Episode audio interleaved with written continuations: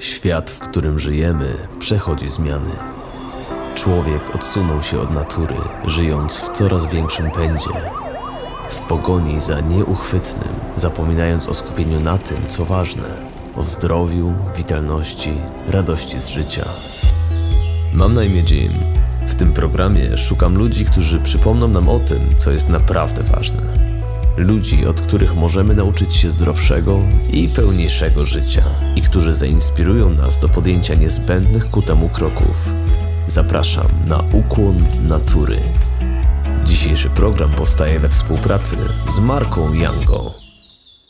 Z tej strony James, słuchacze podcastu Ukłon Natury, a w dzisiejszym odcinku moim gościem jest współzałożycielka marki ubrania do oddania Zofia Zochniak. Zosia swoimi działaniami rewolucjonizuje rynek odzieży używanej w Polsce, przyczyniając się do usprawnienia procesu ponownego obiegu ubrań, a przy okazji wspierając liczne działania charytatywne i edukując na temat drugiego obiegu odzieży. Zosiu, witam Cię w Ukłonie Natury. Bardzo dziękuję za zaproszenie. Cześć. Bardzo mi miło, że to zaproszenie przyjęłaś. Super Cię gościć. Wiesz co, na wstępie chciałbym w ogóle Ci pogratulować tego, co robisz, no bo zdaje się, że pośród tych wszystkich projektów zorientowanych na ekologię, y, przynajmniej tych, z którymi ja się spotykam, e, no tak naprawdę niewiele z nich ma y, jakieś podstawy również ekonomiczne, a mam wrażenie, że to właśnie ekonomia y, w największym stopniu dyktuje to, jak działa dzisiejszy świat. W ogóle jak myślimy o ekologii, to powinniśmy myśleć zawsze o ekonomii, dlatego że wszystkie działania impaktowe, które są realizowane w firmach dużych, mniejszych, korporacjach, sektorze odzieżowym, kosmetycznym, w każdej zasadzie jednej branży, jeżeli ktoś mówi o ekologii, to do tej ekologii zawsze musi być dopięty Excel, dlatego że mm, korporacje i firmy i projekty impaktowe, one muszą się finansować samodzielnie.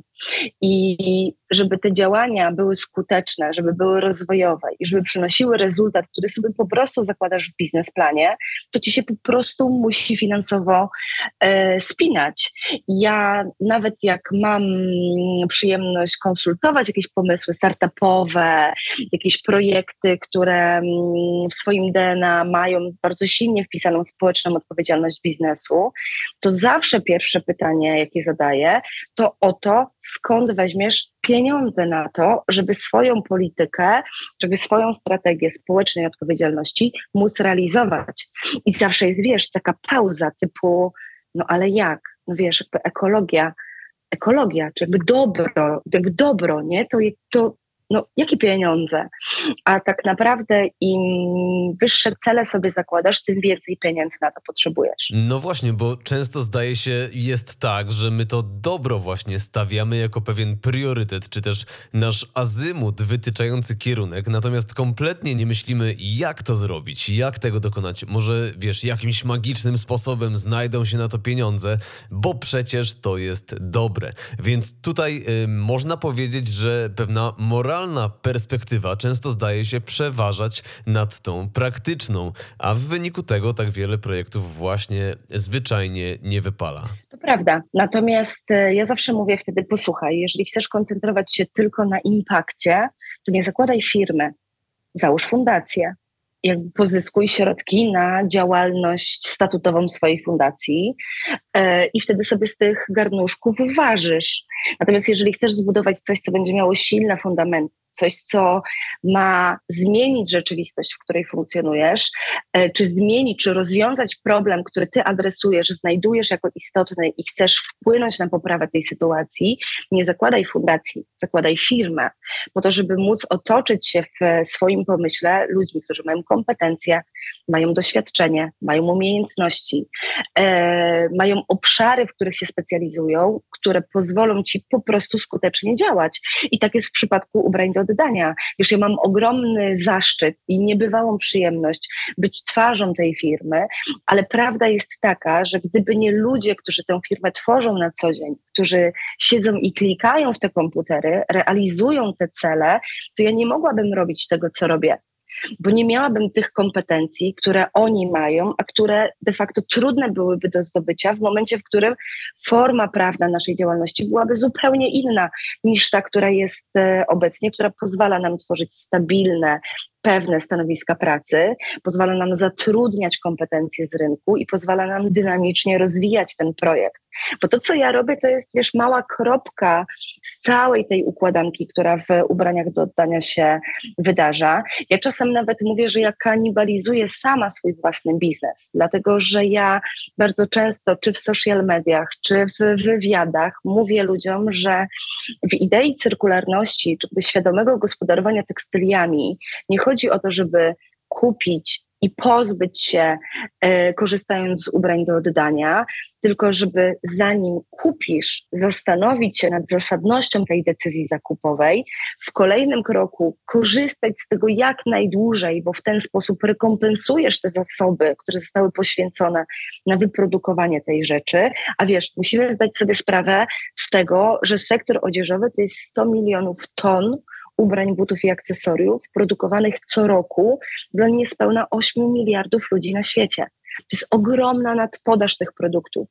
I my możemy być częścią odpowiedzialnej mody, kiedy równoważymy swoje decyzje zakupowe, w momencie, kiedy zastanawiamy się, czy wyjść z czymś ze sklepu, czy nie wyjść ze sklepu. Gdyby nie fakt mm, takiego mojego poczucia misji i edukacji w ubraniach do oddania, to ja mówiłabym fuck it, kupuj, najwyżej przekażesz do ubrań do oddania, my, my sobie z tym poradzimy.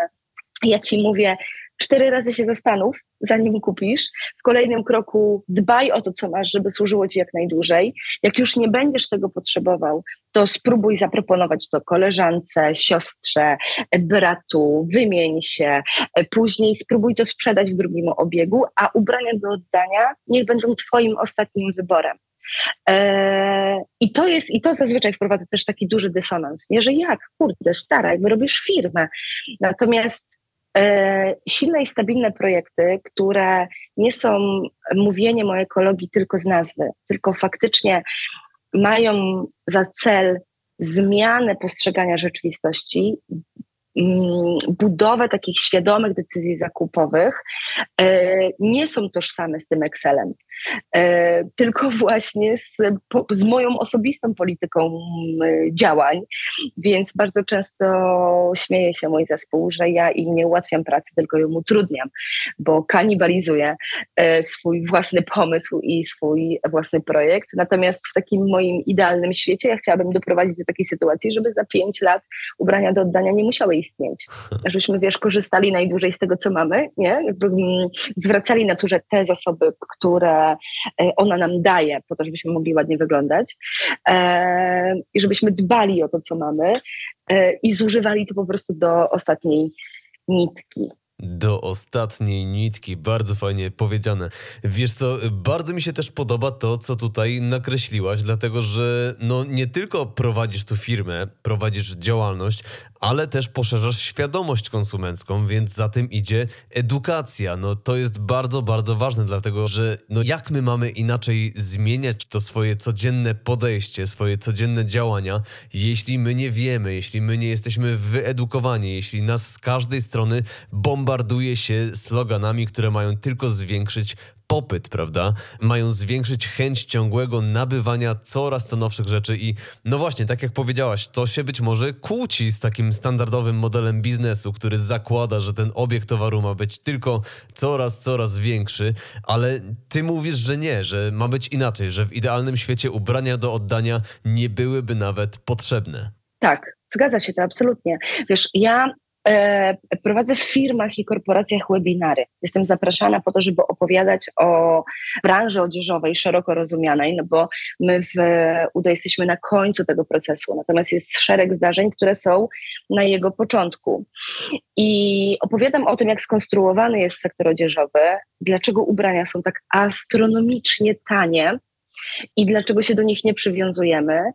E, mówię o materiałach, e, mówię o różnicach w tych materiałach i wyobraź sobie, że ja bardzo często podczas tych webinarów e, budzę taką konsternację na sali, kiedy mówię, że z tych 100 milionów ton ubrań 60% to są ubrania syntetyczne, z materiałów syntetycznych. Syntetyki to jest po prostu ropa naftowa, to są pochodne ropy naftowej, czyli plastik, cały poliester i akryl na przykład, który się ubieramy, akryl, który udaje wełniane swetry. To jest plastik. Do pewnego momentu ten proces produkcji plastikowej butelki i swetra wygląda dokładnie tak samo. I ludzie są tacy skonsternowani, mówią, no i jak? A to nie jest inna nazwa dla jedwabiu? Wiesz, ja sobie wtedy zawsze myślę, jej, ile branża odzieżowa włożyła starań i pieniędzy w to, żebyśmy my tak myśleli. Nie, żebyśmy, żebyśmy śliski materiał, który mm, trzymamy w rękach, kojarzyli z czymś, co, co jest jakby blisko natury. I co jest w jakimś sensie postrzegane jako luksusowe, prawda? Ta, oczywiście, oczywiście kojarzy nam się z absolutnym luksusem w ogóle materiały naturalne sprzedawane są jako e, luksus i absolutne dobro e, i bycie blisko natury, co w ogóle nie jest prawdą. Jeżeli się przyjrzymy na przykład polom uprawnym bawełny, wiesz, że pola uprawne bawełny na świecie zajmują niecały 1% wszystkich uprawnych e, ziem globalnie na świecie i ten niecały 1% to jest dokładnie 0,96%. E, pochłania 25% globalnej rocznej produkcji pestycydów. Co ty mówisz? Jakby 1% wszystkich ziem pochłania 25% produkcji pestycydów, uprawne pola bawełny. Jak ktoś mi mówi, że bawełna nas otula, że jest dla nas miła, że jest dla nas dobra, to ja mówię jasne. Jeżeli pojedziesz sobie do Tadżykistanu na pole bawełny y, ekologicznej, pozbierasz sobie ręcznie ten kwiatostan, później sobie utkasz z tego materiału, z którego uszyjesz sobie t-shirt i on nie będzie biały, on będzie w kawowym kolorze, bo taki kolor w rzeczywistości ma czysta, naturalna bawełna, to wtedy masz dobrą i naturalną bawełnę. Natomiast to, jak ubrana jest branża odzieżowa, to, to jak ona teraz odmienia przez wszystkie przypadki ekologię, odpowiedzialność, zrównoważenie, yy, wpędza nas właśnie w ten taki, wiesz, hype konsumpcyjny. Nam się wydaje, że jeżeli ja kupuję coś, co ma doczepioną zieloną metkę, to jestem lepszym konsumentem. A jestem konsumentem, który po prostu wydaje więcej pieniędzy i nie ma się co dziwić i nie ma też mm, co się za to jakoś korygować no bo żeby do, sięgnąć do takich informacji, musisz spędzić 4 lata kopiąc w internecie, wiesz, latając do Parlamentu Europejskiego po to, żeby rozmawiać z sekretarzami, którzy się tym zajmują. Nie wpiszesz sobie w Google, z czego H&M robi koszulki i ci nie wyskoczą te hasła, bo branża odzieżowa nie ma interesu w tym, żebyśmy to e, wiedzieli. Stąd e, moje takie właśnie powtarzanie z, totalnie z uporem maniaka e, o tym, żebyśmy byli wybrednymi konsumentami, żebyśmy nie podejmowali tych decyzji zakupowych kompulsyjnie, żebyśmy nie podążali ślepo za trendami, tylko żebyśmy szli zgodnie z trendem naszej osobowości, zgodnie z tym, w czym nam jest dobrze, żebyśmy zerwali po prostu z tą, wiesz, mentalnością lat 80., jak cię widzą, tak cię piszą, bo to już jest kompletna, kompletna nieprawda. Natomiast w mojej bańce to super działa, ale za każdym razem, kiedy wychodzę na zewnątrz i dostaję po prostu w twarz tym, wiesz, że jedwab to poliester, a ja sobie mówię wtedy, ludzie, branża odzieżowa w 2015 roku wydobyła 98 milionów ton ropy naftowej. Branża odzieżowa, tak, wydobywająca tak. ropę naftową. Tak, sektor. Tak. Wiesz co, to jest dla mnie kompletna abstrakcja. Tak, ja wiem to. W ogóle ciężko jest powiązać ze sobą te fakty. Ludzie mówią, jak ropa naftowa? Ja mówię, ropy naftowej nie da się wyprodukować. Daje nam ją matka ziemia. I mamy strategię Komisji Europejskiej, która mówi wyraźnie, sektor tekstylny na świecie musi się zmienić. I a trzy strony dalej w tej samej dokumentacji znajdziesz dane, które ci mówią, że teraz wydobywa około 100 milionów ton, czy jakby zużywa około 100 milionów ton, ale w 2050 roku mm, wszystkie dane wskazują na to, że będzie to 300 milionów ton. I wiesz, z jednej strony mamy informację, branża odzieżowa musi się zmienić, a z drugiej strony mamy informację, produkujecie teraz 100 milionów ton ubrań rocznie, a w 2050 roku będziecie produkować tego 60% więcej. No to dokąd zmierzasz w świecie? Wiesz, nie? Dokąd zmierzasz w świecie? No właśnie, a przecież y, to tak naprawdę to wszystko jest napędzane właśnie przez ten popyt po stronie konsumentów. I Tak. y, tutaj właśnie wchodzi też ta edukacja, którą się także zajmujesz, te wszystkie informacje, którymi się dzielisz. Y, Wiesz co, dla mnie w ogóle to jest niesamowite i niezwykle cenne, że ty spędziłaś cały ten czas na dokopywaniu się do tego wszystkiego. No bo jak cię teraz słucham, no to dla mnie to jest po prostu szok. A wydaje mi się, że jestem dość świadomym konsumentem, a mimo wszystko jest to dla mnie szok. Tak, i bardzo często tak jest. Natomiast wiesz, ja mam ogromny przywilej poświęcania czasu na szukanie tych wszystkich informacji. To się zaczęło e, absurdalnie tak naprawdę, bo złożyły się na to dwie rzeczy. Pierwsza to w momencie, w którym odpaliliśmy ubrania do oddania i zobaczyliśmy, że ludzie do nas przysyłają bardzo dużo rzeczy nowych, z metkami, kompletnie nieznoszonych, niezniszczonych, e, takich, które nadają się z automatu po prostu do założenia, wypranych, poskładanych, takie wiesz, Mhm. całe sloty ubrań jakby wyciągnięte prosto, e, prosto z szafy. Myślałam sobie, kurde, kumam to, sama kiedyś lubiłam modę bardzo, bardzo i to mm, w bardzo taki ograniczony sposób o niej myślałam. Ja uważałam, że ubrania biorą się ze sklepu. E, jak moja pięcioletnia córka ostatnio potrafiła mi powiedzieć o tym więcej niż ja, mając dwadzieścia parę lat, kiedy po prostu kupowałam co tydzień nowe fatałaszki na sobotnie wyjście. E, I to był tak naprawdę pierwszy przyczynek do tego, żeby przyjrzeć się temu, jak funkcjonuje e, branża odzieżowa. Budziło to moją konsternację. Ja myślałam, że tylko ja jestem tak uprzywilejowaną osobą, którą stać jest na to, żeby kupić sobie te same spodnie w trzech e, jednakowych kolorach, e, bo świetnie na mnie leżą, e, nie zwracając w ogóle uwagi na to, z czego zostały zrobione. A druga kwestia, która mnie zachęciła do tego, żeby przyjrzeć się, z czego są zrobione ubrania i które są dobre, a które nie są dobre, to fakt właśnie zajścia w ciążę z moją pierwszą córką. E, i, i, I to, że chciałam dla niej jak najlepiej. I wówczas dostęp do wszystkich źródeł, zderzyła, zderzyłam się z dwoma światami. Pierwszy to był taki, który powiedział mi stara, na wyprawkę dla noworodka musisz mieć pewnie jakieś 25 tysięcy. I drugi, który mi powiedział, stara, na wyprawkę dla noworodka musisz mieć tysiaka. I zaczęłam to ze sobą, wiesz, jakby składać do kupy, nie? Oddzieliłam od tego cały Instagram i piękne obrazki ym, satynowych sukieneczek po prostu dla dzieci, które ledwo otwierają oczy. I chciałam poszukać tego, co jest po prostu dobre, ale nie dobre dla mnie, tylko dobre w rozumieniu bezpieczne dla mojego dziecka. Mhm.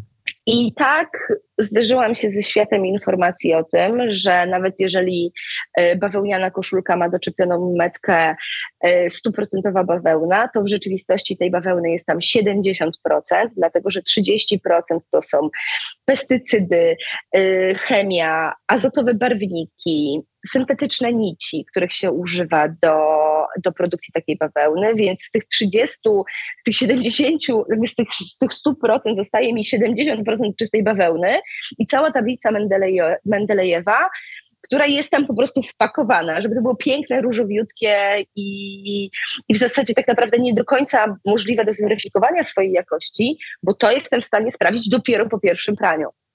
Więc wtedy pomyślałam sobie, okej, okay, 6 tysięcy substancji chemicznych z automatu używa branża mody w całym procesie produkcji ubrań, jakby w całym łańcuchu dostaw. Od momentu, kiedy bawełna wpada do gruntu, do momentu, kiedy ja sięgam po to ubranie ze sklepowego wieszaka. Jaką ja mam mieć pewność, że normy, które w 72 roku jakiś pan chemik Niemiec określił jako bezpieczne, one są dalej przestrzegane nie? Czy, czy skąd ja mogę wiedzieć, że naprawdę tak będzie? No i po nitce do kłębka nagle okazało się, że mam taką ulubioną substancję chemiczną, którą używa branża odzieżowa, jest to formaldehyd. Mhm. Nie wiem, czy pamiętasz z lekcji biologii, czy, czy, czy, osoby, które słuchają mnie teraz pamiętają z lekcji biologii, natomiast formaldehyd to jest substancja, którą mumifikuje się zwłoki. Jak, e, ja jestem z tego pokolenia, który w klasie na biologii miał takie słoiki, wiesz, z um, różnymi okazami, e, właśnie zatopione w formaldehydzie. Tak. I okazało się w, tym, w, tym, w, tej mojej ciążowej wędrówce, czekając na rozwiązanie, że formaldehyd to jest w ogóle powszechnie stosowana substancja chemiczna w sektorze y, tekstylnym. I on robi z ubraniami dokładnie to samo, co ze zwłokami, czy jakby zabezpiecza je przed rozkładem. I wyobraź sobie, że... Czyli nosząc te ubrania będziemy po prostu wiecznie piękni i młodzi. Na pewno, na, absolutnie, absolutnie. A jest to, wiesz, jest to kancerogenna substancja, bardzo szkodliwa, bardzo negatywnie wpływająca na nasz, e, na nasz organizm i na nasze zdrowie. I dotarłam do takich badań Fundacji Ellen MacArthur, która e, randomowo przetestowała ubrania pod sprawdzając e, poziom zawartości tego formaldehydu. Co prawda w markach sportowych, takich bardzo popularnych, takich, które każdy z nas potrafi wymienić z automatu. I okazało się, że on jakby jest stosowany powszechnie, natomiast te normy są przekroczone 700 razy. 500 razy, 1200, taka jedna bardzo popularna Co marka miała mówisz? w swojej kolekcji do jogi.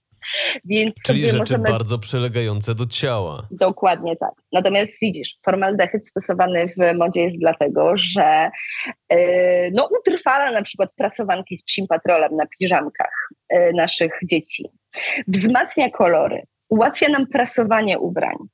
Yy, trzyma ten ciuch w kupie w wielotygodniowym transporcie morskim, bo my sobie nie zdajemy sprawy z tego, że Każde ubranie, zanim trafi na sklepowy wieszak, pokonuje między 35 a 50 tysięcy kilometrów.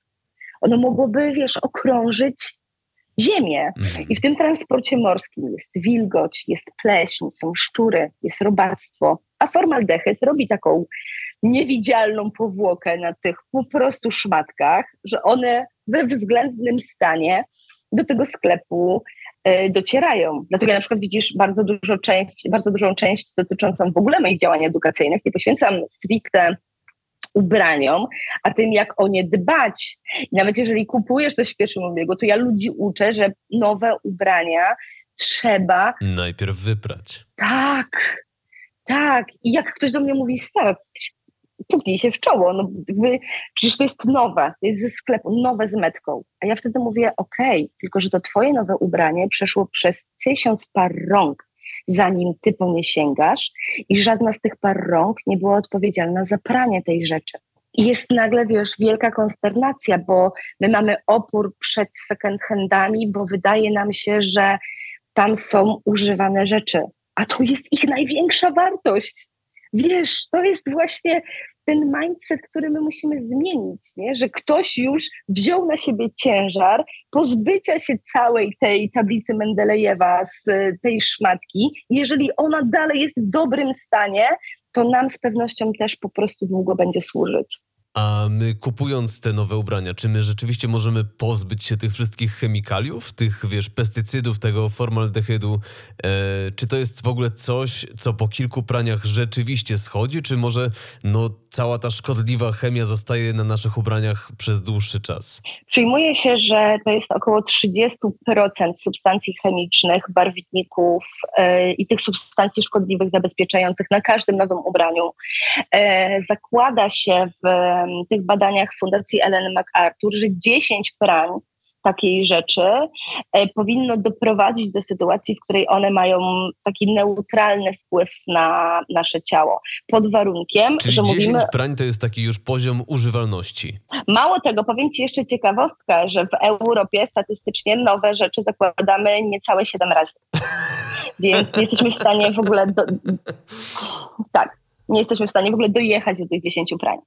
Poza tym weźmy jeszcze e, pod uwagę to, jak wygląda większość ubrań po pierwszym praniu i wyobraźmy sobie, jak wyglądałoby po tym dziesiątym praniu. Mhm. Natomiast ja tutaj mówię głównie o materiałach naturalnych. Jeżeli chodzi o tą ingerencję w zużywanie tej rzeczy poprzez pranie. Grupa materiałów syntetycznych, czyli ten poliester, czyli ten plastik, o którym sobie powiedzieliśmy, to są ubrania tak zwane z, z, z grupy niezniszczalnych.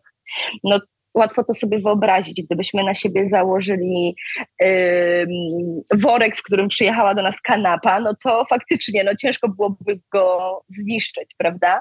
I tak należy myśleć o tych włóknach, z których ym, robione są ubrania syntetyczne. Natomiast pomijamy w całej tej naszej logice zdarzeń kwestię na przykład mikroplastiku, który Mhm. w każdym praniu ubrań syntetycznych uwalnia się nie w ilości 100, tysiąca drobin, tylko po prostu milionów takich drobin, które są uwalniane każdorazowo, w każdym praniu. To jest niekończący się proces. Ten mikroplastik po prostu się uwalnia. I do czego to doprowadziło w swojej konsekwencji? No do tego, że mikroplastik znaleziono na przykład w wodach płodowych matek smułce, czyli pierwszej takiej kupie, którą robi nowonarodzone dziecko, w krwioobiegu, w ekologicznych jabłkach. My sobie nie zdajemy sprawy z tego, jak ogromny i wielowymiarowy wpływ mają nasze decyzje zakupowe na naszą sytuację zdrowotną. Mamy przed oczami, wiesz, takie obrazki z Bangladeszu, ale my nie kumamy tego, że to, co się dzieje w Bangladeszu, jest lustrem naszego zdrowia i naszego bezpieczeństwa.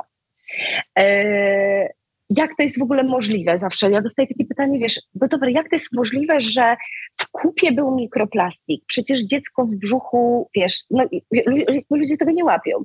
A mikroplastik to są tak maleńkie drobinki plastiku, które nie są wyłapywane przez żadne filtry w oczyszczalniach. To jest po prostu niemożliwe, bo to jest maniunie, w kolejnym kroku to jest trafia po prostu do słodkich wód, trafia do naszych kranów, trafia do wody butelkowanej również. Czyli przenika już właściwie wszystko, prawda? Dokładnie, dokładnie, wszędzie.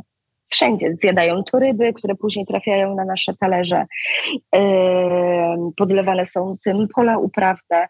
Natomiast nie umiemy powiązać ze sobą tych faktów. I to, co ja zawsze staram się robić, to pokazywać, jak wygląda ten cykl tych naczyń połączonych. Nie? Że czasem nasze takie wyobrażenie, że dobra, najwyżej coś wyrzucę, jakby kosztuje tylko tam, nie wiem, 20 zł, więc założę raz i najwyżej wyrzucę, ma wielowymiarowe konsekwencje. E, Również dla nas tutaj, nas, nas uprzywilejowanych białych ludzi mieszkających w Europie, wiesz, którzy sobie dla sportu odwiedzają galerie handlowe. E, To nie jest tylko wpływ na pogorszenie e, sytuacji szwaczek w Bangladeszu. To jest też wpływ na nas samych. To jest realne wyrzucanie pieniędzy, które naprawdę ciężko zarabiamy. No i też bardzo silny wpływ na zdrowie planety, czy też no każdej właściwie istoty zamieszkującej tę planetę. Wiesz co, Zosiu, jak tak ciebie słucham, no to tylko coraz szerzej oczy otwieram. Nie wiem, czy ty to widzisz. Już się trochę przyzwyczaiłam do tego, że faktycznie e, reakcje są takie. Natomiast uwierz mi, że jak ja zaczęłam docierać do tych informacji, będąc w ciąży, wiedząc już, że sprowadzam na świat kobietę, to miałam taki mindfuck, że jak mogłam po prostu w swoim pragnieniu takiego, takiego totalnego egoizmu, zostania mamą, ściągnąć na świat człowieka, który będzie mierzył się z tymi problemami wiesz, bo my, my, my mówimy taki frazes bardzo często ja się sprzeciwiam i dostaję za to bęcki, bo wszyscy mówią, że robimy coś albo musimy robić coś, żeby ratować planetę. Ja wtedy mówię, ludzie kochani, wpiszcie sobie w Google Czarnobyl. Planeta sobie świetnie radzi bez człowieka i ona sobie świetnie poradzi bez nas. Jak człowiek nie ingeruje, nie wpycha się z łapami, nie jest pazerny, nie idzie w kierunku więcej, więcej, ładniej, lepiej, to planeta dostaje wszystko, co najlepsze. Czas na regenerację, więc ona sobie świetnie bez nas poradzi. My nie musimy ratować planety, my musimy ratować siebie, bo my w 2050 roku będziemy mogli sobie kupić zajebistą sukienkę, ale nie wiem, czy komukolwiek do tej sukienki będzie pasowała maska gazowa. Czy w ogóle będziesz mógł, wiesz, wyjść w tej sukience z domu, bo będziesz miał 47 stopni na zewnątrz. Jakby nie łączymy ze sobą, wiesz, tych faktów i mnie to oburza i to mnie bardzo mocno popycha w kierunku działań edukacyjnych, e, przyjmowania właśnie takich zaproszeń, bo ja chcę, żeby moja córka mogła korzystać z piękna tego świata. Mhm. Y, powiem ci, że tak jak to właśnie ubrałaś w słowa, no to bardzo to do mnie trafia, dlatego że jest to zmiana pewnej takiej ramy naszego udziału w tych wszystkich działaniach proekologicznych. Y, no bo jeśli my tylko słyszymy wciąż, że ekologia jest dla dobra planety, e, no to to w pewien sposób jest abstrakcyjne, prawda? Trudno się nam chyba y, do tego wszystkiego jako ludziom tak naprawdę odnieść. Widzimy, wiesz, te kolorowe obrazki, zielony wizerunek ziemi i tak dalej, ale kiedy zdasz sobie sprawę, że my to robimy dla nas, czy też no, dla naszych dzieci, przyszłych pokoleń, no bo co ja tam tak naprawdę będę w tym 2050 robił, e, ale to nam daje taki bardzo osobisty punkt odniesienia. Chodzi o to, jak ludzie będą żyć i czy nasz gatunek przetrwa na tej ziemi, no bo tak jak mówisz, ziemia sama w sobie się zregeneruje, ona zacznie sobie funkcjonować po pewnym czasie w optymalny sposób, no ale nas może już tutaj nie być. Ja mam takiego krasza swojego osobistego, który jest profesorem Malinowskim. Jest profesorem, który zajmuje się badaniem, jakby na, szeroko rozumianą nauką o Ziemi. I profesor Malinowski e, był bohaterem dokumentu, który można za darmo obejrzeć na YouTubie. I ten dokument nazywa się Można panikować. I ja każdemu, każdemu polecam poświęcić E, godzinę swojego życia na tego YouTube'a, żeby zobaczyć ten dokument. Bo to, o czym my sobie teraz rozmawiamy, e, ubierając to po prostu jakieś takie osobiste obrazki, jest naukowo przebadane z każdej strony. Ta konsekwencja e, naszych działań, produkcji i konsumpcji liniowej, ona ma swoje odzwierciedlenie w nauce topnienie lodowców. Wyobraź sobie sytuację, w której w 2030 roku nie można pojechać na deskę na Hel, bo go nie ma. Wiesz, i, i są badania naukowców, bardzo mądrych ludzi, którzy potrafią to pokazać w swojej konsekwencji. To nie jest abstrakcja, to jest właśnie ta rzeczywistość, o której my mówimy. I nam się wydaje, że kurde, no jak nie będzie, przecież padał deszcz. Jaki, wiesz, w ogóle jakie zmiany klimatu? Pada deszcz, był śnieg, był mróz tydzień w grudniu. Przecież, wiesz, a to też jest zmiana klimatu. To, że w kwietniu mamy mróz, jest ociepleniem klimatu. I ktoś mi powie, no dobra, ale, no ale co ubrania mają do klimatu?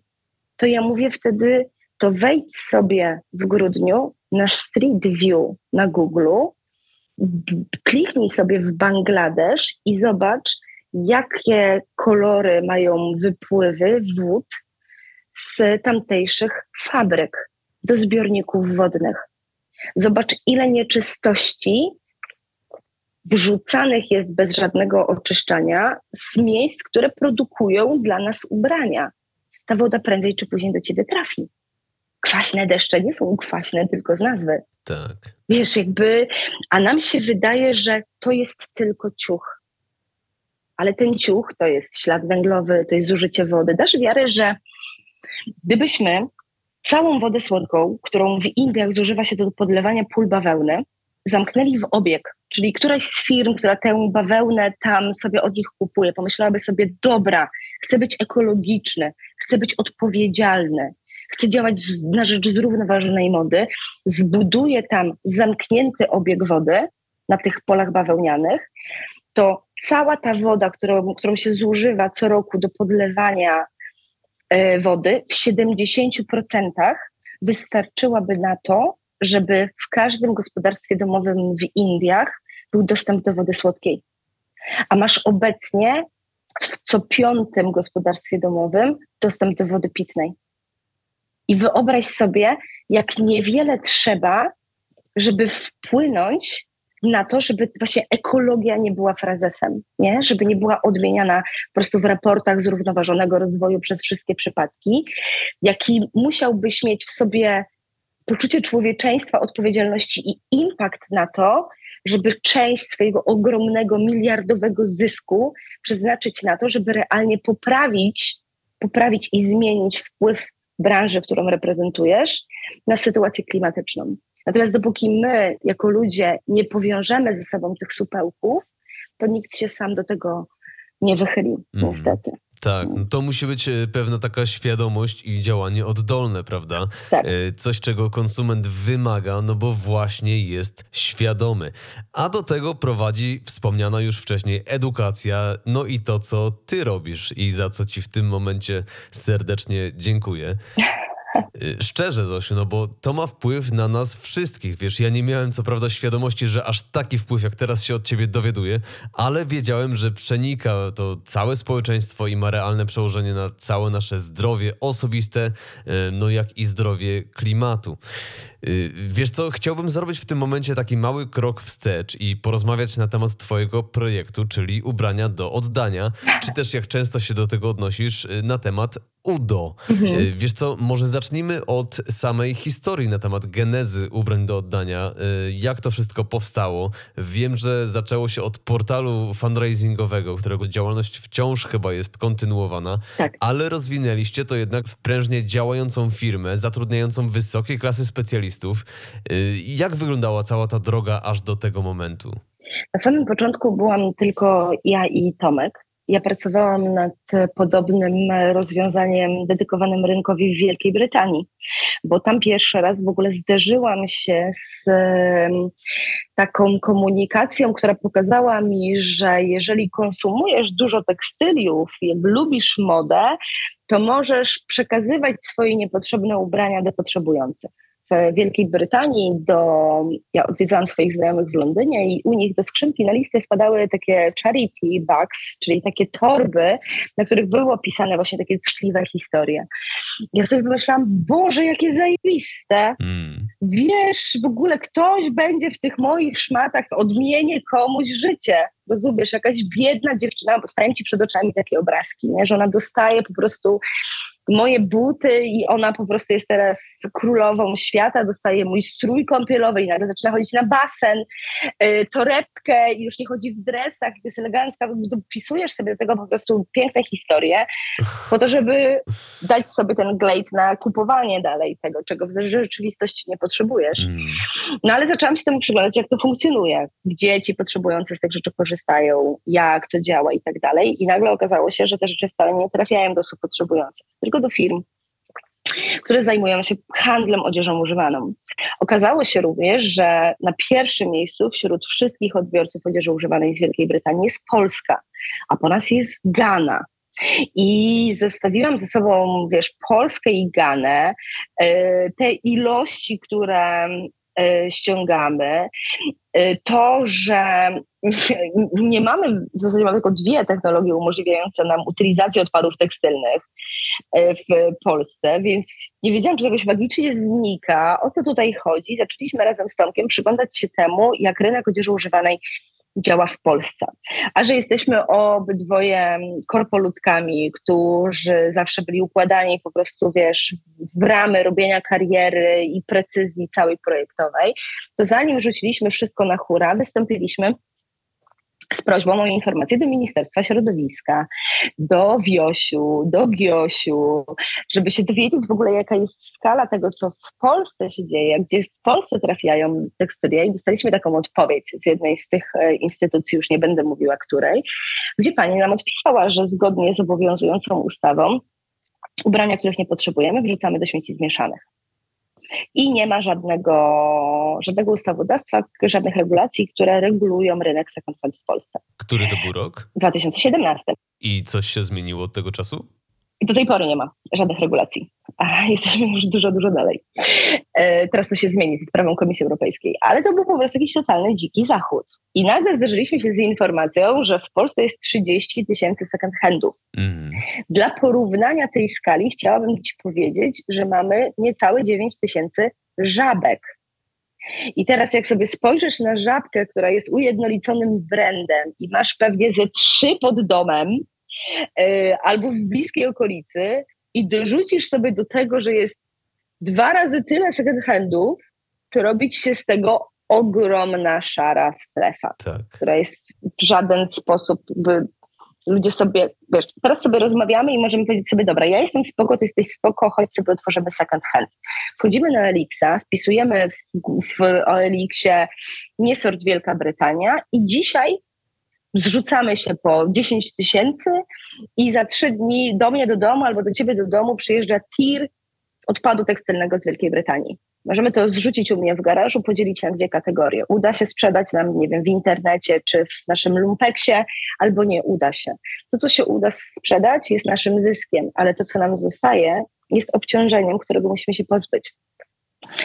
Przy tych ilościach, które ściągamy z Wielkiej Brytanii, trudno jest wyobrazić sobie uczciwe czy ekologiczne metody na pozbywanie się tego, czego nie potrzebujemy w tym naszym biznesie, który sobie przed chwilą założyliśmy. Więc były bardzo różne kombinacje. Podrzucanie tych tekstyliów pod, tych, tych śmieci pod kontenery na odzież używaną, o których też za chwilę powiem. Nagle w mediach powstawały artykuły typu dzikie wysypisko tekstyliów pod Katowicami, ludzie przychodzą i sobie tam grzebią. I widzisz stertę po prostu, wiesz, wywalonych e, ubrań. Dogadywanie się z panem na wysypisku komunalnym, żeby pan ochroniarz otworzył bramę o 24 ze szwagrem, busem tam, wiesz, za 50 zł. I to są autentyczne historie. To są autentyczne historie ludzi, którzy po prostu w taki sposób sobie z tym radzili. Bo żeby dostarczyć tekstylia, odpad tekstylny do firm, które zajmują się utylizacją, czy jakby produkują paliwo alternatywne, utylizują, to nie jest recycling, to jest po prostu zniszczenie tych rzeczy, wymieszanie ich z węglem brunatnym i spalenie w piecu. W Polsce robi się to w cementowniach, czy w firmach, które produkują cement. To musisz za to zapłacić Rozumiesz? Musisz to zewidencjonować, musisz pokazać skąd to masz, co z tym zrobiłeś. Masz na to ograniczony czas, generuje to ogromne koszty, ale też ogromną papierologię. Mm. Więc się tego unika i się to obchodzi. E, w takiej po prostu mentalności lat 80., no lat, wiesz, 80., lat 90. Czyli komuś tutaj na boku zapłacę i tylnymi drzwiami się dostanę. Dokładnie tak, dokładnie tak.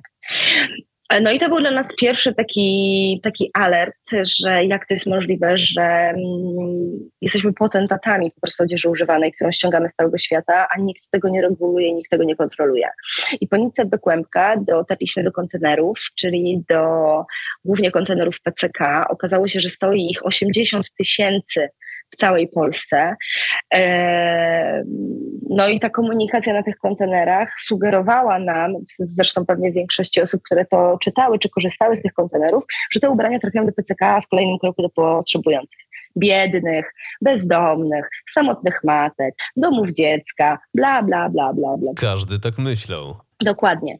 A jak się dowiedzieliśmy, że to nie trafia do PCK, tylko PCK dostaje jakąś kasę od firmy, która te rzeczy odbiera, to zaczęliśmy o tym mówić w internecie, że ubrania, do, które wrzucamy do kontenerów, nie trafiają do potrzebujących i nigdy nie trafiały, zawsze trafiają do takiej firmy jak nasza.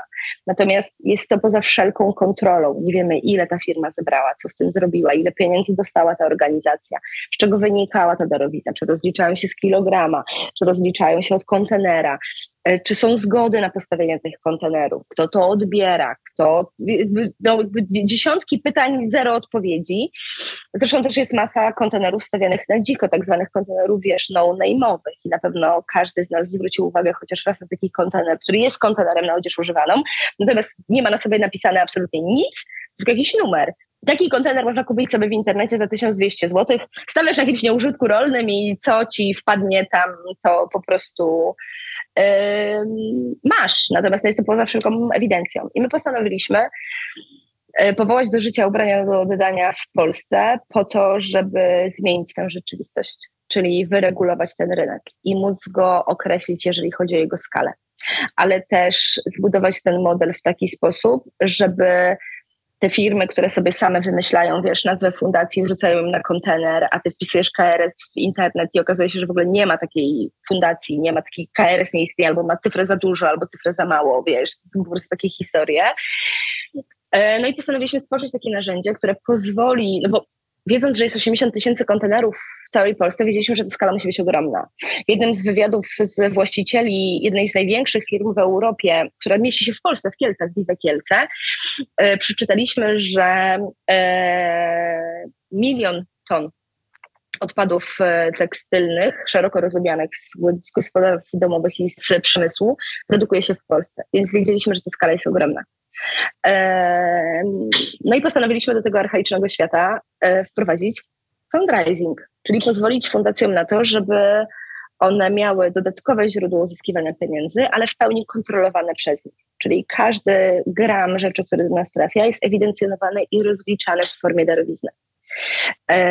Fundacja ma dostęp do swojego panelu, widzi, kto to zgłosił, kiedy zostało przywiezione, kiedy zostało zważone, kiedy te pieniądze zostały przekazane do niej na konto. Tak samo z poziomu użytkownika. Użytkownik wchodzi na nasz portal, wybiera organizację, którą chce wesprzeć. Mamy ich 250, od małych lokalnych inicjatyw po ogromne jak UNICEF czy SOS Wioski Dziecięce. Wybierasz sobie taką organizację, wypełniasz bardzo prosty formularz, w którym podajesz ilość spakowanych kartonów, kiedy kurier ma do ciebie przyjechać i jakie to jest miejsce. Tego dnia pojawia się u ciebie kurier DPD, zupełnie za darmo odbiera od ciebie ten karton. On trafia na nasz magazyn na Bokserską w Warszawie, e, jest z automatu ważony. Ten gest jest wynagradzany w pierwszym kroku, czyli ilość kilogramów odpowiada wysokości darowizny. E, I w kolejnym kroku te rzeczy są przez nas dopiero sortowane i dzielone na prawie 100 kategorii. Dzięki temu w ten sposób udało nam się zrobić dwie rzeczy. Według mnie naprawdę spektakularne, bo bez żadnych budżetów marketingowych i reklamowych my przez 4 lata naszej działalności przekazaliśmy no już grubo ponad półtora miliona złotych do współpracujących z nami NGO-sów. I ja wiem, że to jest dużo mniej niż się pomaga, czy jakieś zrzutki. Bez budżetów marketingowych, czyli z samym dotarciem organicznym, tak? Tak. I wiesz, i to e, dla jednych może się wydawać niewielką kwotą, jeżeli chodzi o 4 lata, ale jak pomyślimy sobie o tym, że te pieniądze pojawiły się z rzeczy, które ktoś uznał za niepotrzebne i bezwartościowe. Można wręcz powiedzieć, że ze śmieci, nie? No, dokładnie. To robi się z tego po prostu spektakularna kwota i też spektakularna ilość uratowanych kilogramów, które wiesz, mogły zniknąć w przestrzeni wysypisk komunalnych, mogły yy, gnić w kontenerach. Zostać spalone. Dokładnie, zostać spalone, a my je uratowaliśmy i przywróciliśmy do ponownego obiegu, bo to jest jeszcze ta kwestia, którą się zajmujemy, bo na samym początku chcieliśmy być tylko pośrednikiem, czyli zmusić firmy do tego, żeby transparentnie rozliczały się z fundacjami, ale one nie były tym zainteresowane. Mówiły, że wiesz, jeżeli możemy mieć coś za darmo, stawiamy sobie, wiesz, na, nie wiem, w, na Piastowskim, w, Pia, w, w Poznaniu stawiamy sobie trzy kontenery i nic nikomu nie musimy mówić, nic nikomu nie musimy wystawiać żadnych faktur, a już nikomu nie musimy dawać żadnych pieniędzy, no to po cholery nam jakieś realne wspieranie fundacji e, czy organizacji charytatywnych, walić to. W ogóle nam nie potrzebne. My i tak mamy te rzeczy. Mhm. E, więc no, mogliśmy dwie drogi, no, albo mogliśmy powiedzieć sobie, dobra, to nara, to się nie udało, pa, pa, pa, wracamy do korpo i sobie siedzimy wygodnie, wiesz, przy naszych szczurzych biureczkach. Albo mówimy sobie, dobra, to trzeba zakasać rękawy i trzeba pokazać tym dziadkom po prostu z lat 80., że da się to robić inaczej. E, że da się to robić po prostu uczciwie że nie trzeba chować sortowni za wielkim murem e, i wiesz, oklejać jej kamerami, po prostu drutami kolczastymi. Można pokazać ludziom, jak to wygląda. E, można pokazać, jak wygląda ten proces. Można wytłumaczyć im, dlaczego to jest istotne. E, dlaczego musimy gospodarować w sposób świadomy tekstyliami. Dlaczego tak ważne jest, w jaki sposób pozbywamy się tego, czego nie potrzebujemy. Ja w ogóle nie mówię tutaj tylko o ubraniach, Mówię o sprzęcie AGD, mówię o mm, garnkach, których nie potrzebujemy, jedzeniu, które nam, wiesz, zalega w zamrażarkach po 8 czy 10 miesięcy, po prostu jakieś kurki pozbierane 3 lata temu i tak dalej. Nie, że jakby tymi wszystkimi zasobami, tymi wszystkimi rzeczami możemy gospodarować w bardziej świadomy sposób, Dlaczego to jest tak istotne? Dlatego, że w ten sposób rekompensujemy te zasoby, które zostały zużyte. Jeżeli dbamy o to, jeżeli ja nie potrzebuję tej bluzy, i mogę jej się pozbyć w sposób bardziej odpowiedzialny, to muszę to połączyć z tym, że do wyprodukowania tej bluzy zużyto 10 tysięcy litrów wody. E, ona przejechała 30 tysięcy kilometrów, wiesz, statkiem. I teraz to wygenerowało konkretny ślad węglowy. Jak najdłuższe używanie tej rzeczy rekompensuje realnie ten ślad węglowy, dlatego że osoba, która z niej skorzysta, nie kupi nowej rzeczy, jakby ograniczy tą nadmierną konsumpcję i przedłuży przydatność tej rzeczy. Wiesz, ja noszę ubrania do ostatniej nitki. Jak sobie zobaczysz, widzisz teraz pewnie mój rękaw, to jest bluza, którą ja wyciągnęłam z szafy mojego ojca, a którą moja mama naszykowała po prostu do wyrzucenia do śmieci. Bo mój tata nie może chodzić w bluzie, która ma, wiesz, podziurawione rękawy. A mi to absolutnie w niczym nie przeszkadza, bo to jest najbardziej odpowiedzialne. Żeby zużywam to do ostatniej nitki. W kolejnym kroku albo ją sobie skrócę, wiesz, jak już te rękawy zajadę, po prostu te dziury będą nie do zniesienia, to ją sobie skrócę. A jeżeli mi dziecko to ufafluni, nie wiem, jagodami, to sobie ją pofarbuję. A na sam koniec zrobię z niej szmatki albo waciki i zużyję to w swojej kuchni. I w kolejnym kroku z czystym sumieniem tą zużytą resztkę z tego, co zostanie z tej bluzy, wyrzucę do odpadów zmieszanych zgodnie z obowiązującym prawem. Ale gdybym miała ją ściągnąć z siebie albo pozwolić mojej mamie na to, żeby ją wrzuciła do śmieci, no to miałabym poczucie, że ten, ta rekompensata poświęconych zasobów nie została dowieziona tak po prostu maksymalnie, jak mogłoby to być. Ja do tego po prostu namawiam. Tak, w tej bluzie jest po prostu jeszcze dużo ukrytego potencjału, który można wykorzystać. To prawda. Jeżeli myślimy o tym właśnie w sposób złożony, a nie tylko i wyłącznie kierując się na przykład, czy napędzając się trendami w modzie. Tak. Wiesz, że jest coś takiego jak fazy cyklu życia trendów w modzie. One mają takie cztery duże wyznaczniki, czyli wyróżnienie, naśladownictwo, modę masową i spadek. I kiedy ja byłam nastolatką, to zamykało się, te cztery fazy zamykały się w okresie sześciu miesięcy. E, bo mieliśmy dwa sezony, wiosna-lato i jesień-zima. Czyli nakłaniało się jakby do wymiany całej garderoby raz na sześć miesięcy. Tak, sześć miesięcy, czyli w momencie, w którym pojawiała się kolekcja na wiosnę i lato, e, czyli mieliśmy to wyróżnienie trendu, później to naśladownictwo, dostęp mody masowej i spadek, to ten spadek zazwyczaj w tych sześciu miesiącach zamykał się w okresie, kiedy wchodził kolejny sezon, czyli jesień-zima. I przez sześć miesięcy korzystaliśmy wszyscy na przykład z zielonych płaszczy, bo zielony kolor był tym kolorem najmodniejszym. Obecnie jest tak, że faza cyklu życia trendów w modzie zamyka się w okresie niecałych trzech tygodni. Mamy 50 nowych mikrokolekcji dla dalej dwóch sezonów, które obowiązują na świecie, czyli wiosna, lato, jesień, zima. Co to oznacza w praktyce? W praktyce oznacza to nie mniej, nie więcej, jak to, że co tydzień możesz wejść do swojej ulubionej sieciówki i co tydzień znajdziesz tam nowe ubrania, zgodne z aktualnie kreowanymi trendami.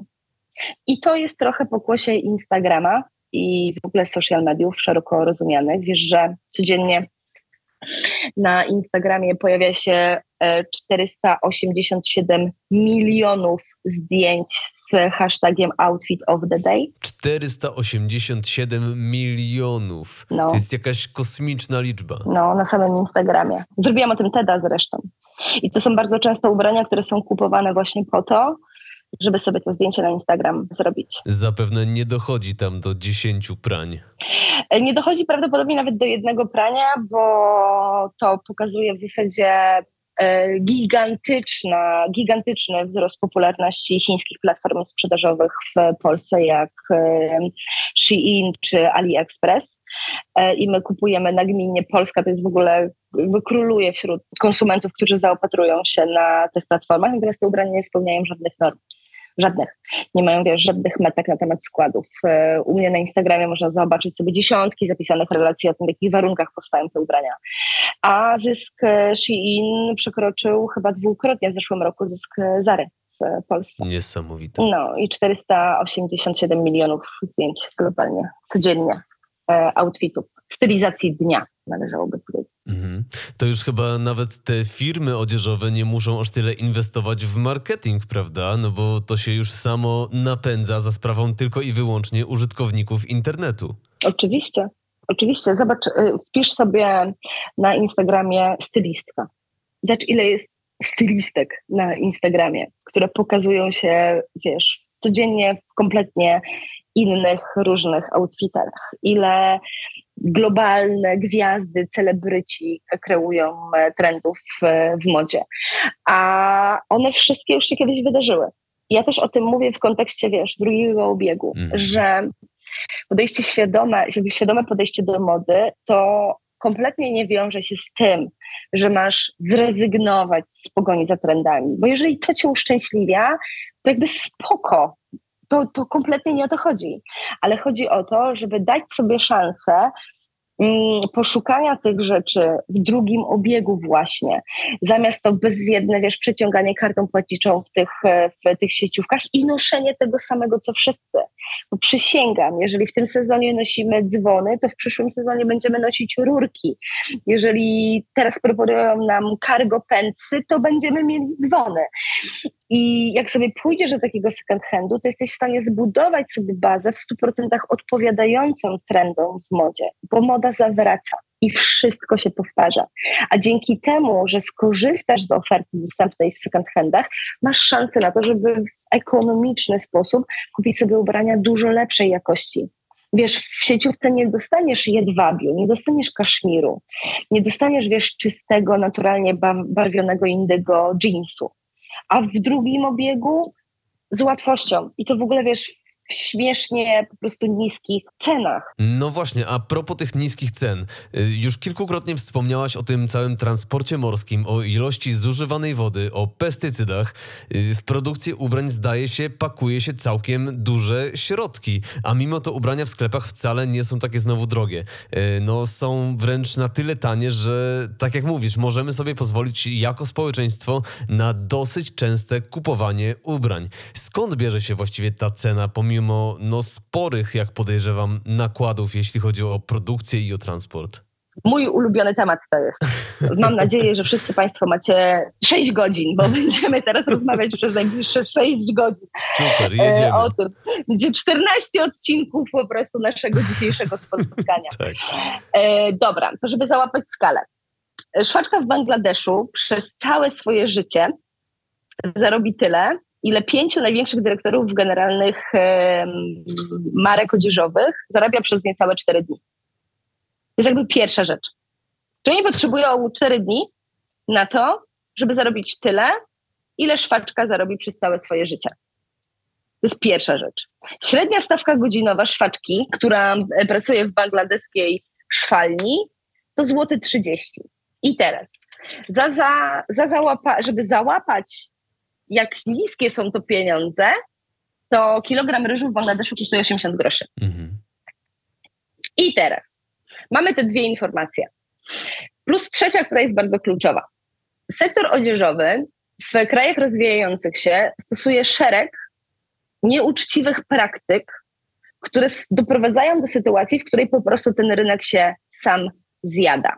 Zobacz, jeżeli jestem uprzywilejowanym producentem odzieży z Europy i przychodzę do ciebie, a ty jesteś właścicielem szwalni i mówię ci, szanowny panie, przychodzę tutaj uszyć 20 tysięcy par jeansów, ale chcę zapłacić za nie nie więcej niż 2 dolary sztuka.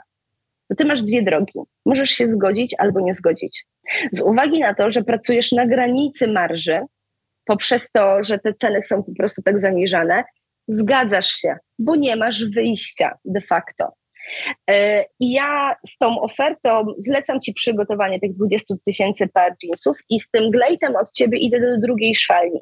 I mówię do Twojego kolegi, stary, 20 tysięcy par jeansów potrzebuję. A on mi mówi 2,5 dolara, a ja mówię to nara, bo mam tutaj 2 dolary więc ja za te dwa dolary sobie wracam do tego kolesia, u którego byłam przed chwilą. To on jeszcze bardziej obniży cenę i tak to się wszystko napędza. Dokładnie. On mówi, to ja ci uszyję za dolara 90. Sektor odzieżowy w Indiach nie ma możliwości zakładania związków zawodowych. E, średni wiek szwaczki w, w Bangladeszu wynosi 14 lat. Dzieci często zaczynają pracę w tym zawodzie w wieku 6-7 lat. E, są tanią siłą roboczą, często pracują za obiad, e, bez dostępu do edukacji, bez dostępu do opieki medycznej. Jeżeli coś ci się wydarza w pracy, to po prostu tę pracę tracisz i wychodzisz na ulicę i tyle. I, i cię nie ma. Y, optymalizuje się łańcuchy dostaw poprzez rozproszenie tej produkcji, czyli w jednym miejscu przeszywa się guziki, w drugim miejscu się barwi, w trzecim miejscu robi się, nie wiem, przetarcia na przykład na jeansach. To wszystko powstaje na masową skalę. Bardzo często ludzie się mnie pytają, ej, no kupiłam sobie nową bluzę, wyprałam ją tak jak kazałaś, zrobiłam pierwsze pranie i ona jest mniejsza na rozmiary. Jak to możliwe? Co się stało? No a to wynika po prostu z tego, że wszystko produkuje się na masową skalę, materiał nie odpoczywa, wykrajany jest prosto z bel, na których jest, wiesz, naciągany. Nie przestrzega się żadnych norm, stosuje się po prostu drogę na skróty. Dlaczego powiedziałam ci o tych, e, o tych rzekach w Bangladeszu? No bo jeżeli miałbyś oczyszczać wodę, miałbyś zamykać jej obiekt, to to generuje ci ogromne, ogromne koszty a ty musisz uszyć mi te jeansy za dwa dolary mm. i musisz na tym zarobić i musisz zapłacić tym ludziom. Yy, I to doprowadza do sytuacji, w której pracujesz, wiesz, 100 godzin, E, operatorzy ciężkich maszyn w szwalniach, w krajach rozwijających się pracują 100 godzin tygodniowo. Nie dlatego, że jest tyle pracy, tylko dlatego, że muszą zapracować 100 godzin, żeby im wystarczyło pieniędzy do końca miesiąca. My sobie kompletnie, wiesz, jakby nie zdajemy sprawy z tego. I zobacz, jak była w 2013 roku katastrofa budowlana w Rana Plaza, czyli w takim kompleksie, w którym szyto ubrania dla Europy, dla najpopularniejszych marek na świecie, to tam zginęło 1123 osoby, głównie kobiety i, i dzieci. I my mówiliśmy wtedy, my tutaj właśnie z tej naszej kawki, wiesz, w Starbucksie, sektor odzieżowy musi się zmienić sektor odzieżowy musi się zmienić. To jakby nie może tak być. Jaka samowola budowlana, że ludzie przygniatają maszyny, drogi ewakuacyjne są zastawiane, wiesz, belami z materiałami i po prostu ludzie giną w tym miejscu. A z drugiej strony, jak spojrzysz sobie na badania Cebosu za zeszły rok, jeżeli chodzi o nasze decyzje zakupowe, to 68% Polaków stawia znak równości pomiędzy tanie i atrakcyjne. Mhm. I wiesz, z jednej strony postulaty, petycje, sektor odzieżowy ma się zmienić, Komisja Europejska i strategia dyrektywy. Z drugiej strony chcemy kupować jak najwięcej i jak najtaniej. Zobacz, e, branża odzieżowa w Europie po wybuchu wojny, po pandemii, e, najpóźniej zareagowała na inflację. Czyli te ceny dopiero teraz powolutku zaczynają być podnoszone, co zresztą spotyka się z bardzo dużym sprzeciwem klientów tych marek pojawiają się uzasadnienia, że właśnie inflacja, że wzrost kosztów, paliwo drogie, bla, bla, bla, bla, bla, bla, wiadomo. Natomiast zrobili to najpóźniej. Jeżeli sobie porównasz wzrost cen w, w branży spożywczej i zestawisz sobie z wzrostem cen w branży odzieżowej, to zobaczysz bardzo duży, sześciomiesięczny w zasadzie okres, w którym nic się nie wydarzyło. Tak. Dlaczego tak jest? Dlatego, że sektor odzieżowy pracuje na bardzo wysokich marżach. Wiesz, po prostu oni nie odczuli tak mocno tego wpływu. Natomiast ludzie zaczęli o to pytać. Więc to symboliczny wzrost cen, wiesz, nastąpił. Popyt i podaż jest odpowiedzią tak naprawdę na Twoje pytanie, dlaczego to wszystko jest takie tanie. My musimy sobie też uzmysłowić skalę. 6 miliardów sztuk jeansów produkuje się co roku, a jest 8 miliardów ludzi na świecie, a produkujemy 6 miliardów samych jeansów. Jeżeli jesteś producentem, który ma grupę, nie wiem, na przykład Inditex, do której należy Zara, Massimo Dutti, e, Bershka, chyba Stradivarius i coś tam jeszcze, i masz po półtora tysiąca sklepów wielkopowierzchniowych w całej Europie i masz dostarczyć kolekcję 40 różnych modeli spodni w pełnym rozmiarze, to ty jesteś zleceniodawcą, który jest królem bo ty nie szyjesz 20 par spodni, tylko 200 par spodni i rozdajesz te karty, możesz szyć jak najtaniej. My jako konsumenci nie wymagamy jakości, w związku z czym wszystkie kwestie dotyczące jakości są mało istotne. Dla, dlatego na przykład, wiesz, kupujemy sobie jeansy, które y, po, po, po pierwszym praniu skręcają nam się na szwie e, i nie możesz ich nosić. Dlatego masz t-shirt, który wypierzesz i on ci sięga przed pępek nagle. No bo to jest jakby produkcja na masową skalę. Produkcja na masową skalę nie spełnia żadnych norm i nie przestrzega żadnych zasad. Nie ma BHP na przykład, nie? I ja mam też na Instagramie dziesiątki takich obrazków i takich zdjęć z różnych właśnie śledztw dziennikarskich czy dochodzeń różnych organizacji, żeby unaocznić ludziom, w jakich warunkach powstają te właśnie tanie ubrania. No dobrze, ale mimo to nadal mamy tutaj transport morski, który zużywa przecież ogromne ilości paliwa. Tak. Y, mówisz tutaj o wysokich marżach, ale mam wrażenie, że no te ceny i tak są niskie w porównaniu do kosztów transportu czy też marketingu. Pod warunkiem, że wychodzisz tutaj z punktu, że chcesz wysłać sobie po prostu jeden kontener transportem morskim, no to faktycznie musisz za to zapłacić 20 tysięcy dolarów. Ale jeżeli rezerwujesz sobie własny kontenerowiec, który będzie ci pływał w tom i z powrotem przez 6 miesięcy, wypełniony kontenerami z twoją odzieżą, to już nie płacisz za ten jeden kontener. No tak, to wtedy nie dość, że cena się rozkłada na większą ilość sztuk, to jeszcze ty dyktujesz ceny, prawda? Tak jak w przypadku tych szwalni y, w Bangladeszu. Popyt i podaż. To jest jakby, to się wszystko zamyka po prostu w popycie i w, e, i w podaży. Natomiast wiesz, E, mówimy o dużych kosztach. To ja chciałabym tutaj posłużyć się przykładem jednym z moich ulubionych. W Bangladeszu miesięczne średnie wynagrodzenie szwaczki wynosi 92 dolary. Jest to przyjęte ustawowo jako płaca minimalna. Ta płaca minimalna, która odpowiada tej złoty 30 za godzinę i 80 groszy za kilogram ryżu. Tak. Szwaczki w Bangladeszu kilka razy decydowały się na to, żeby wyjść na ulicę i walczyć o wzrost swoich wynagrodzeń z płacy minimalnej do godnej która została określona. I teraz pytanie, zagadka do ciebie. Jeżeli mamy informację, w której wiesz, że ta szwaczka zarabia 92 dolary miesięcznie, przepraszam, nie rocznie, 92 dolary miesięcznie, jest to wynagrodzenie minimalne, to ile ona potrzebuje więcej pieniędzy, żeby to wynagrodzenie było godne? Przy czym chodzi o to, żeby było ją stać na opiekę medyczną, edukację dzieci i minimum trzy posiłki dziennie, 7 dni w tygodniu. Ile ona potrzebuje więcej hajsu, tych dolarów? Jak myślisz? No, podejrzewam, że pewnie jest to jakaś kilkukrotność tego, co obecnie zarabia, biorąc pod uwagę, że no, przytoczona przez ciebie cena kilograma ryżu wcale nie jest wiele wyższa od tego, co taka szwaczka zarabia na godzinę. I jeszcze raz tyle, ile zarabia. Jeszcze raz tyle. To jest, to, to jest dla niej godne wynagrodzenie. Mhm trzy posiłki dziennie, opieka medyczna i dostęp do edukacji dzieci. Możliwość przerwania tego błędnego koła, nie? bo dzieci teraz spędzają po prostu czas z rodzicami w tych szwaniach. Nikogo jest nie stać na, na edukację, więc się wychowuje kolejne pokolenie, które będzie szyło ubrania, bo nie będzie miało innej możliwości. I teraz no to, to brzmi po prostu jak takie współczesne no, niewolnictwo. O, zaraz sobie o tym porozmawiamy. Dobrze. Każdemu z nas teraz może się wydawać, że wow, chcę drugie wynagrodzenie za pracę, którą wykonuję, nie? Że to jest w ogóle też chcę robić to samo i dostać, wiesz, nie 5 tysięcy, tylko 10 tysięcy. Tylko, że to jest zupełnie inna skala. Dokładnie. Nikt z nas nie pracuje, wiesz, w skali właśnie godzinowej, że zarabiasz, wiesz, na półtora kilograma ryżu, nie? Masz zupełnie inny punkt odniesienia. Plus chciałabym zwrócić uwagę na to, że duży koncern, żeby zmienić bezpowrotnie, naprawdę, czy jakby zagwarantować swoim szwaczkom godne wynagrodzenie, a nie wynagrodzenie minimalne, powinien przeznaczyć na to 1,2% swojego rocznego zysku. I to po prostu odmienia los tych ludzi. Rozumiesz? To jakby pozwala im się czuć bezpiecznie o przyszłość na przykład swoich dzieci. 1,2% swojego rocznego zysku to wcale też nie wydaje się aż tak dużo.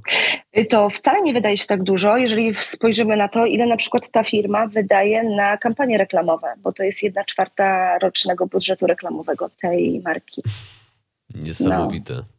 Rozumiesz? I teraz sobie wchodzimy w dokumenty takich brandów i czytamy ich strategię zrównoważonego rozwoju i widzimy tam, że oni się starają, żeby w 2040 roku zrobić coś tam, a powołują specjalny dział, który ma ocenić coś tam, a robimy niezależne audyty, a wystarczyłoby powiedzieć, przepraszam za określenie, dajcie hajs.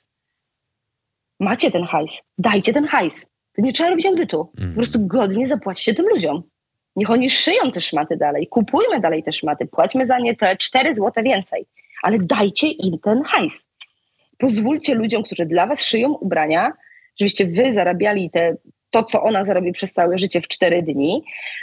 Pozwólmy jej żyć bezpiecznie jakby zadbajmy o jej podstawowe potrzeby, o które dbamy tutaj w Europie, my jako pracownicy, którzy mamy, nie wiem, płacone ZUSy, y, prywatną opiekę medyczną, dostęp do siłowni, żłobek pod domem. Po prostu godne życie za swoją pracę, prawda? Tak, ona wykonuje ciężką pracę i chce ją być stać na śniadanie, obiad i kolację. Jesus Christ, czego wy tu nie rozumiecie? Rozumiecie, co wy musicie, wiesz, analizować do 2040 roku. Ja wam to przeanalizowałam, ja wam to mówię. Dajcie ten 1% zysku. Naprawdę, no kupicie sobie dwa jachty mniej. No sorry, no może starczą wam te cztery, które macie. Wiesz, jakby mnie uderza to i mnie to bulwersuje bardzo, bo ja jestem mamą dwóch córek.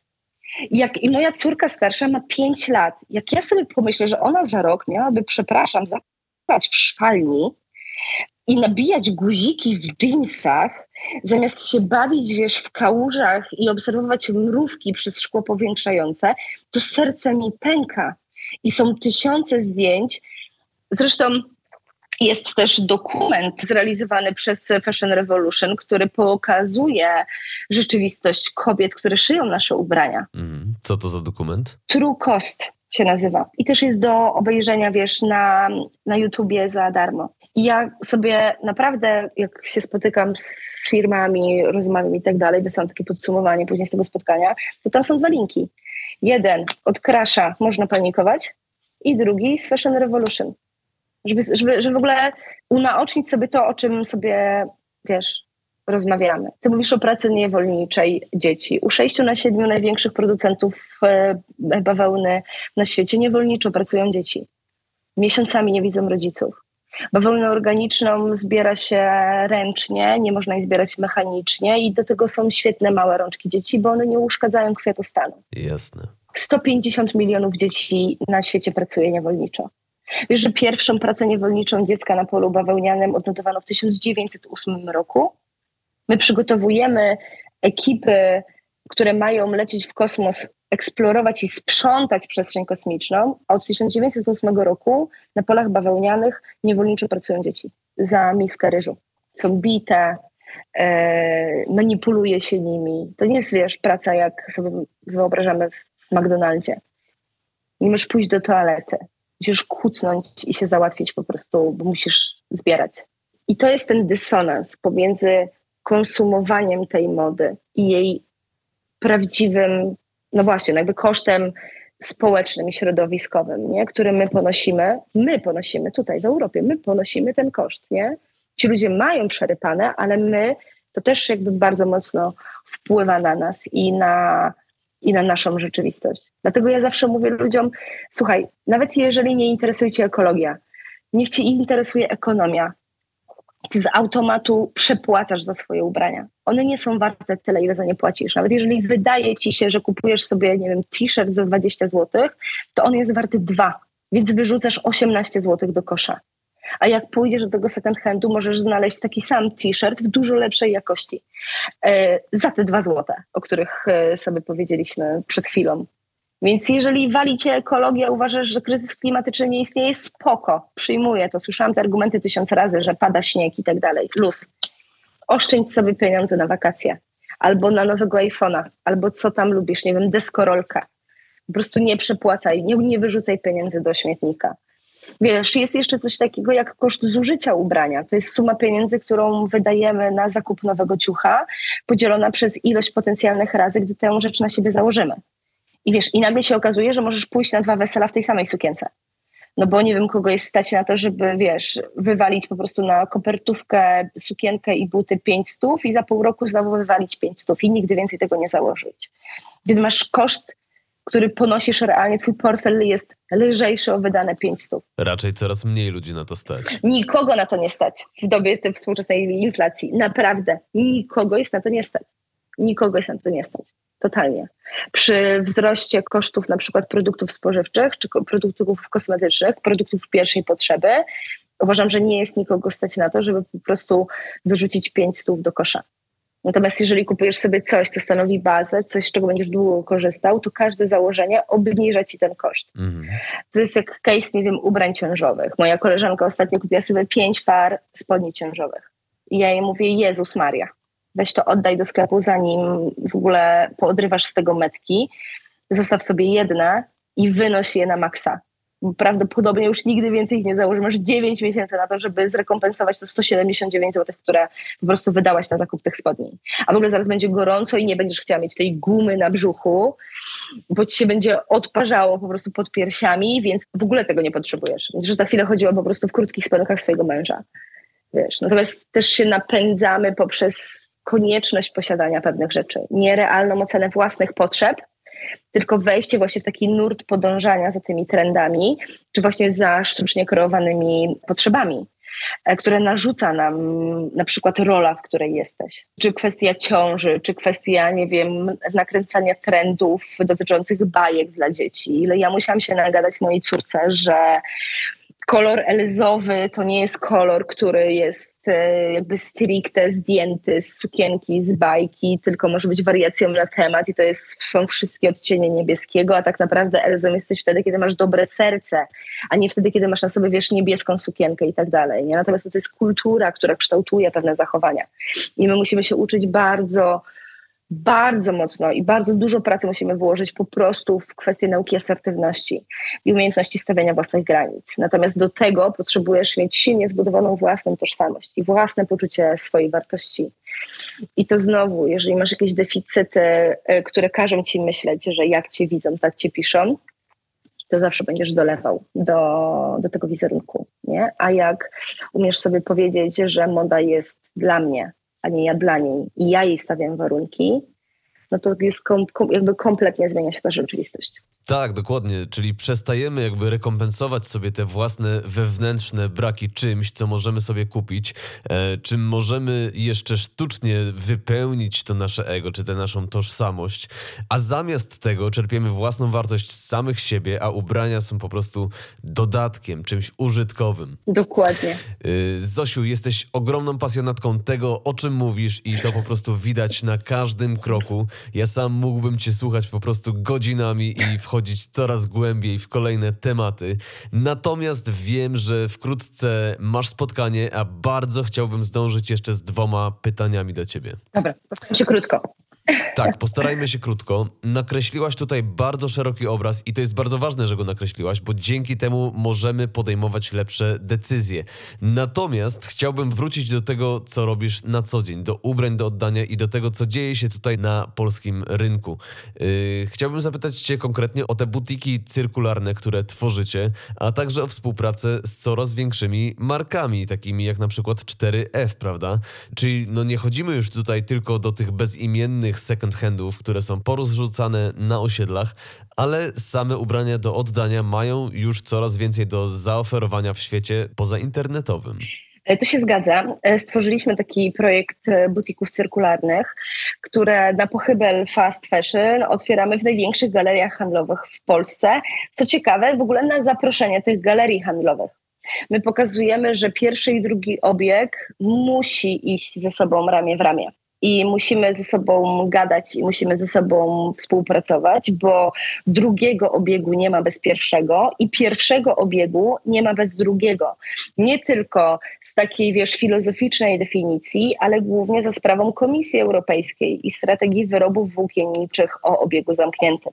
Komisja Europejska zauważyła to, o czym ja gadam od pięciu lat i przygotowała dokument, który nakłada na sektor tekstylny obowiązek zmian, czyli przejścia z gospodarowania liniowego na gospodarowanie cyrkularne. Mhm. I pierwszym brandem, dla którego to zrobiliśmy, jest właśnie 4F. Teraz w salonach 4F możesz zadecydować, czy kupujesz nową kurtkę, czy sięgasz po kurtkę ze strefy mm, odzieży używanej, która jest przez nas naprawiona, odświeżona, ometkowana i sięgasz po ten wybór bardziej ekonomiczny, bo te rzeczy są dużo tańsze niż rzeczy nowe i ekologiczne. I to jest proces, który wdrażaliśmy przez rok, czyli pracowaliśmy nad tym rok, od e, momentu, w którym Komisja Europejska opublikowała dyrektywę e, to już rok wcześniej 4F pracował nad zmianą swojej strategii działań. E, I to, co mnie absolutnie kupiło, to fakt, że oni potrafili przyznać się do swojego wpływu. Jest to pierwsza marka na świecie, po Patagonii zresztą, no to, należy, no to jest w ogóle inny level. Natomiast pierwsza marka w Europie, która powiedziała tak, wiemy co spieprzyliśmy i pracujemy nad tym, żeby to naprawić. E, wdrażamy takie i takie założenia w naszej strategii. Opublikowali to publicznie. Jest for F Change zrobiona dedykowana strona, gdzie jest opisane są wszystkie kroki i wszystkie działania. E, zrezygnowali całkowicie z e, utylizacji zwrotów reklamacyjnych. My to wszystko dla nich naprawiamy, wszystko przewracamy. To, co jest w kiepskim stanie, jest upcyclingowane, robione są z tego posłanka dla zwierząt na przykład, albo wiesz, etui na telefony absolutnie genialny projekt i faktycznie pracujemy nad tym, żeby wdrażać go we współpracy z innymi markami na dużo większą skalę. Super. E, dlatego, że takie są założenia Komisji Europejskiej e, i z tego to wynika. I my stanowimy trochę taki um, element tej układanki, który ściąga z marek obowiązek e, zmiany całej logistyki, jeżeli chodzi o ich kwestie magazynowania, zwrotów i tak dalej, dlatego, że outsourcujemy cały ten proces e, po swojej stronie i wysyłamy do nich po prostu gotowy, ometkowany produkt, który trafia na wieszaki w sklepie i robimy to absolutnie zajebiście. E, więc to jest taka rzeczywistość, która nas czeka w przyszłości. 2040 rok będzie tym rokiem, kiedy każdy z nas w swojej ulubionej sieciówce będzie mógł zadecydować, czy kupuje nową rzecz, czy kupuje rzecz używaną. Natomiast zmienia się nie tylko kwestia zawracania tego, co zostało już wyprodukowane, ale też kwestia podejścia do ekoprojektowania i do realnego podniesienia jakości oferowanych nam e, ubrań. E, Komisja Europejska wprowadza bardzo duże ograniczenia, jeżeli chodzi o zużycie ropy naftowej, o którym powiedziałam chwilę, e, chwilę temu. Więc sektor odzieżowy ma bardzo duże wyzwanie, jeżeli chodzi o poliester z recyklingu, czy w ogóle o proces recyklingowania materiałów syntetycznych. Musi zrezygnować z mieszanek, które są kuszące, a które sprawiają, że nie da się tego później od siebie oddzielić, więc chyba klaruje nam się taka nowa rzeczywistość, którą ja niestety nazywam e, rzeczywistością naszych babci wracamy do tego, wiesz, jakby do świata, w którym się wychowaliśmy. Tak naprawdę. Do... Zatoczyliśmy pewne koło. Dokładnie tak, dokładnie tak, wiesz. Będziemy mieli mleko i śmietanę w szklanych butelkach, a nie w e, plastikowych. Nie mogę się doczekać. No dokładnie, no dokładnie. A ja to pamiętam doskonale z mojego rodzinnego e, domu, więc e, pamiętam taki zachwyt, wiesz, nad e, szamponem w kostce, który zrobił w ogóle totalną furorę w, w świecie internetu. I moją babcię, która już nie żyje, dociągnęła prawie setki, która powiedziała mi, że ja mam od zawsze. Tylko, że po prostu, wiesz, mydło, biały jeleń, nie? Jasne, szare mydło. tak, więc trochę mm, wracamy do początków, do naszych korzeni. I, I to, co dla mnie jest budujące, to mam nadzieję, że po prostu wszyscy będziemy uważni na to, żeby kolejne pokolenia wychowywać w tym świecie, który dla nas jest nowy, totalnie nowy, a dla nich po prostu będzie normą. Na przykład nie marnowanie jedzenia E, segregowanie śmieci, czy właśnie ograniczenie spożycia mięsa, prawda, albo ograniczenie koszenia traw, e, nie grabienia liści w mieście. No wiesz, to są takie drobne rzeczy, Yy, właśnie o których piszemy teraz, wiesz, artykuły w największych gazetach, a, a ja do tej pory pamiętam moją babcię, która koszy na śmieci bio, który miała od zawsze, wykładała po prostu szarą gazetą. A teraz dostaniesz, wiesz, na maila dostajesz poradnik czy e-booka o tym, że masz po prostu kosz na śmieci wykładać szarą gazetą, bo ją możesz wrzucić do, do kompostownika. Czy można o tym pisać, na pewno napisać o tym dużo memów, Natomiast jest to budujące, że gdzieś poszukujemy tej drogi e, powrotu do korzeni. Ja mam nadzieję, że po prostu wszystkim nam się to uda. Nie dla planety właśnie. Ale dla nas. A dla nas. Mhm. Y, trochę to brzmi jak ponowne wynajdywanie koła, prawda? Że no my musimy odwoływać się do tego, co kiedyś było tak oczywiste, tak naturalne. Y, wiesz, Zosiu, y, to co mi tutaj przychodzi, to to, jak dużą moc mają działania oddolne, o ile są umiejętnie przeprowadzone. To, co ty robisz, to, co wy robicie w ubraniach do oddania, to właśnie widzę jako takie działania oddolne. To nie jest, wiesz, Komisja Europejska, która coś tam decyduje i teraz wszyscy według tego postępujemy, ale tego typu typu działania mają wpływ na tę Komisję Europejską i to jest dla mnie ta ogromna, ogromna moc, to jest dla mnie ogromna wartość tego, co robisz i za to Ci z całego serducha dziękuję. E, Jak i za tę dzisiejszą rozmowę, no bo wniosłaś tutaj bardzo dużo dla mnie osobiście, e, bo poszerzyłaś moją świadomość konsumencką, no i jestem absolutnie pewien, że dla naszych słuchaczy również. Na samo zakończenie mam do Ciebie jeszcze jedno ostatnie pytanie, które zadaję wszystkim moim gościom. Mianowicie, ukłon natury to przede wszystkim wiedza na temat zdrowszego i pełniejszego życia, dlatego chciałbym, abyś biorąc pod uwagę całą swoją wiedzę, całą swoją perspektywę, przekazała naszym słuchaczom trzy praktyczne wskazówki, dzięki którym Ty sama żyjesz lepiej, zdrowiej i pełniej. Yy, dobra, Haha, ciekawe. Yy, Pierwsza praktyczna moja wskazówka to coroczne wysadzanie łąki kwietnej. Nawet jeżeli ktoś mieszka w balkonie, w sensie mieszka w bloku i ma balkon albo okno, to gorąco zachęcam. To jest pierwsza rzecz, e, chyba totalnie najważniejsza. Druga rzecz to świadome gospodarowanie tekstyliami. No, była, nie byłabym sobą, gdybym e, tego nie robiła.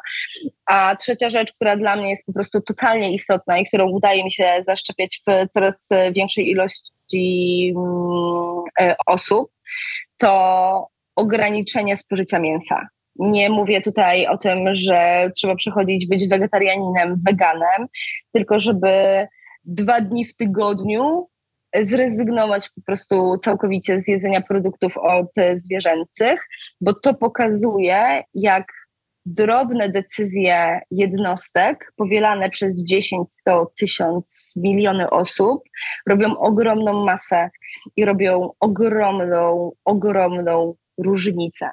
Więc kompletnie nikogo nie zachęcam do tego, żeby się katować i robić wszystko naraz, tylko wyznaczać sobie drobne, małe cele i cieszyć się z sukcesów, ale wyciągać też wnioski z porażek. Fantastycznie, bardzo Ci za to dziękuję.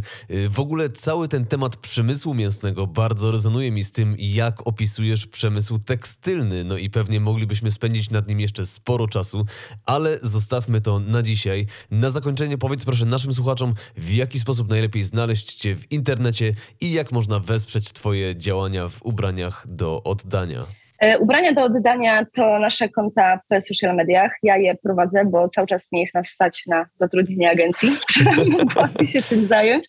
Więc jeżeli ktoś chce informacji z pierwszej ręki, to zapraszam, jestem tam e, codziennie. Jeżeli ktoś z Was chciałby uporządkować swoją e, szafę, to na naszym Instagramie też znajdzie bardzo dużo wskazówek, jak się do tego przygotować i jak to zrobić rozsądnie.